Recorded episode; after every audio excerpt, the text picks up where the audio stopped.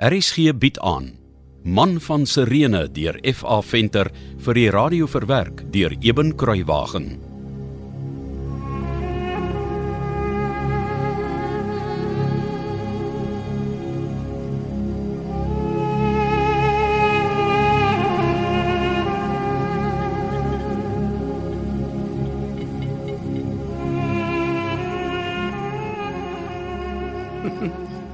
Jy kan maar jou hand van jou swaard afhaal en op 'n bekommerd lyk Simon van Sirene.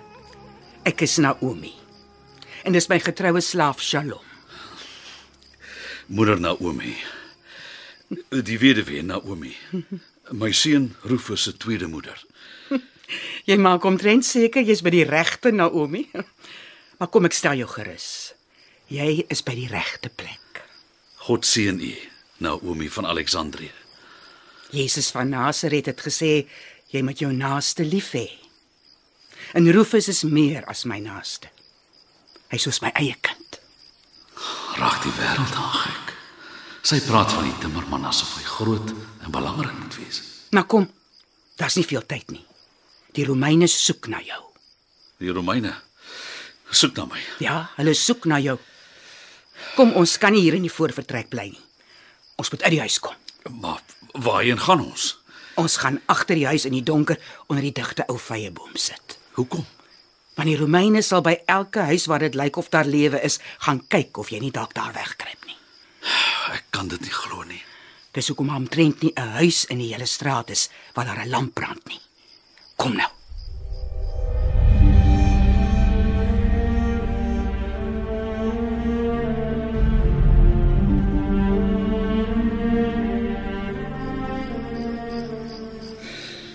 Sjoe, dis omtrent donker hier. Sst, nie so hard nie. Klank trek in die nag.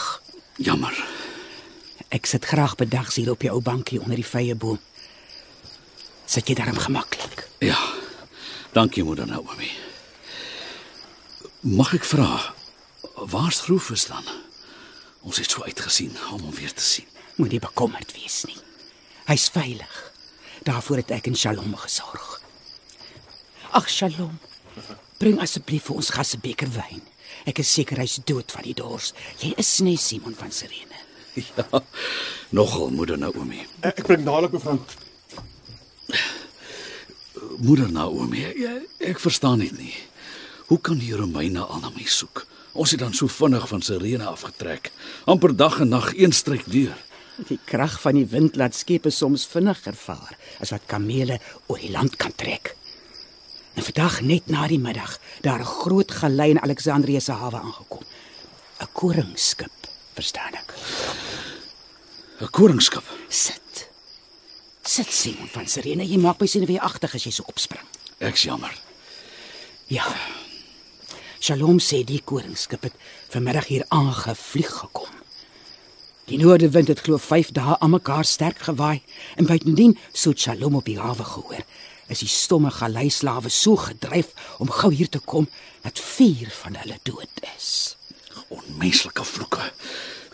En uh, en kom die galei van Sirene af. Ek verstaan so ja. Shalom sê die slawe op die kaai het hom vertel die koringskip kom glo nie genoeg koring in Sirene laai nie. Hulle sê jy het gemaak dat die nedersetters hulle koring aan die brand steek. Dis hoekom die skip Alexandrië toe gekom het om nog koring te laai.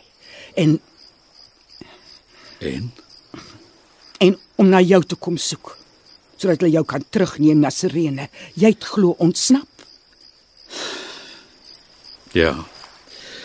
Ek het ontsnap. En is waar, ek het my eie koring aan die brand gesteek. Maar ek het niemand aangesê om hulle koring te verbrand nie. Ek het nie eers geweet enigiemand anders het geweet wat ek gedoen het nie. Dit was donker en op my eie grond. En sonder dat ek so iets wou hê, was daar 'n opstand. Het dit vir Shalom gesê jy het 'n opstand teen Rome begin. Maar ek het nie. Ek het net my eie koring verbrand. Shalom sê party van die slawe vertel dat baie mense in Sirene gekruisig is. Kruise. Sirene. Ek wonder of arme groot Micha ook. Die gelei van Sirene af. Die slawe drywer op daardie vervloekte skip is my seun, Alexander. Daardie pyn ken ek, Simon. My een seun is hoofman oor 100 in Romeinse Galasië. Maar wie weet. Dalk sal die man van Nasaret ons seun se harte nog aanraak. Glo u dan in die Nasareëner moeder Naomi? Ek glo in hom soos aan die son. Hy's eenvoudig en goed. En sy leer is liefde. Maar ons kan nie nou oor hom praat nie. Dis te gevaarlik. Rome soek jou lewe. En as ek oor hom begin praat dan vergeet ek van alles om my. Ek sien. Weet jy? Die gelei het skaars vasgemeer. Of 'n jong man het by Philo aangehardloop gekom en hom gewaarsku dat die Romeine op soek is na Rufus se ouers wat miskien op pad is na Alexandrië. 'n Jong man. Ja. Dit was baie vreemd. Philo sê die jong man het vir hom gelyk soos 'n Romeinse seeman, want hy het seemansklere aangetree. O, oh, Ja. Philo het gesê die man is groot en donker, maar hy wou nie sy naam sê nie. O ja, daar's glo 'n litteken oor sy wang. Dit is Alexander. My vreugde is groter as my omstandighede en my vrees. Alexander, my seun. Hier is meneer se wyn. Ah, baie dankie.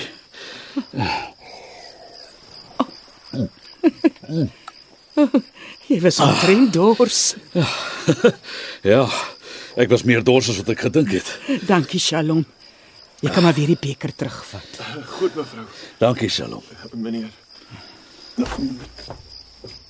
Shalom het my gesê daar's glo ook 'n baie vername Romein op die koringskip en 'n Gaius Papinius, 'n handlanger van die hofgraanbeampte in Rome.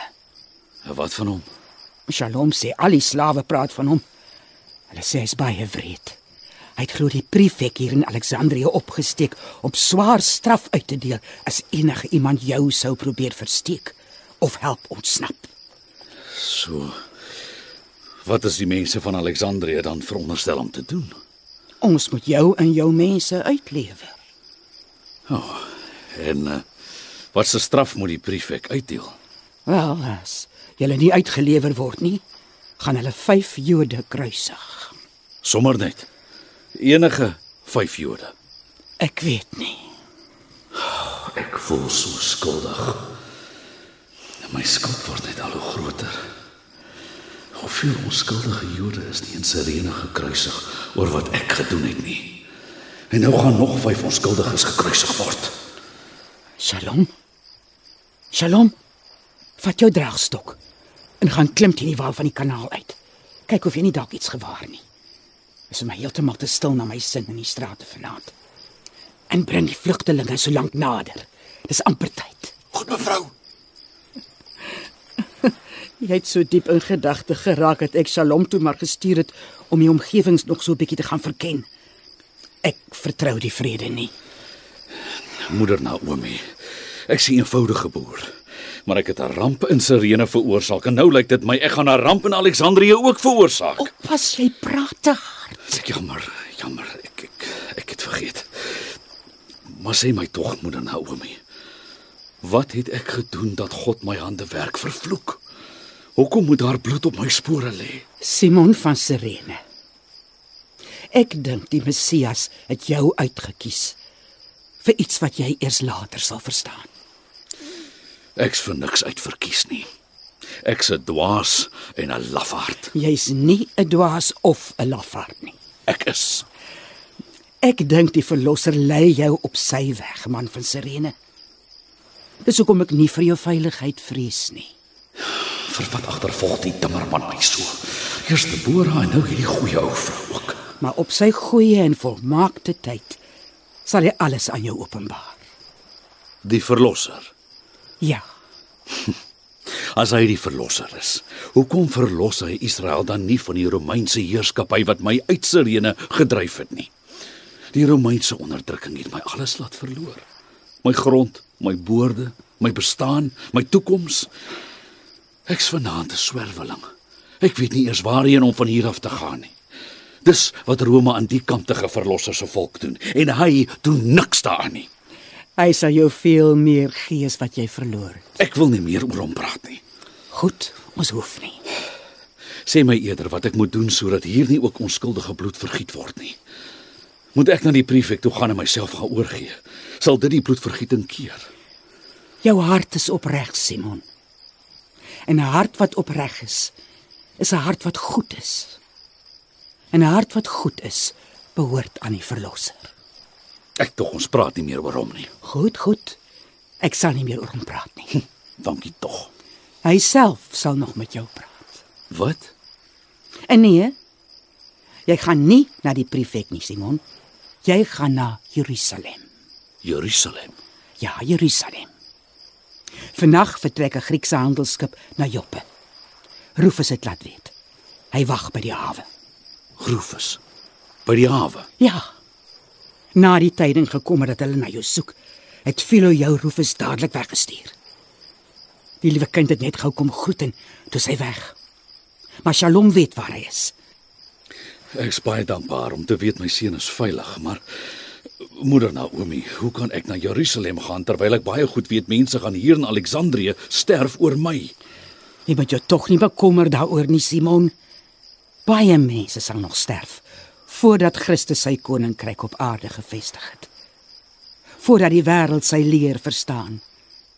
En dit kan ek jou sê om jou hoop te gee. Ja, moeder Naomi. Rome sal nog val voordat die verlosser oorwin. Ek dink nie ek verstaan nie. Toe maar. Ek wil jou nie belas met dinge wat jy nie verstaan nie, Hoekom is almal so behep met die timmerman? want hy's die verlosser. Wat as die Romeine na my kom soek en ek moet haastig pad gee? Deborah hulle wag iewers langs die kanaal vir my. Ek kan nie sonder hulle weggaan nie. Natuurlik nie. Dink jy Shalom het nie gesien waar hulle gaan skuil het nie. Hy het hulle juis gaan haal. Hulle sal seker enige oomblik nou hier wees sodat jy hawe toe kan gaan. Mevrou, mevrou. Hulle kom met fakkels aan die kanaal aan. Dit dit lyk soos Romeine, hulle soek rond. En Deborah hulle? Uh, Hulle wag hier naby onder die bome, meneer. Oh, dankie tog. Gaan Simon. Jy kan nie 'n oomblik verspil nie. Vrede vir jou en jou geliefdes. Vrede vir u moeder Naomi. Ek weet ek sal lafhart om te vlug en u hier agter te laat. Dit is so bepaal. Toe, jy moet nou gaan. Kom meneer, ons het bitter min tyd. God sal jou veilig lei, Simon van Sirene. Vaarwel moeder Naomi. Dankie. Die Almagtige sal met u wees.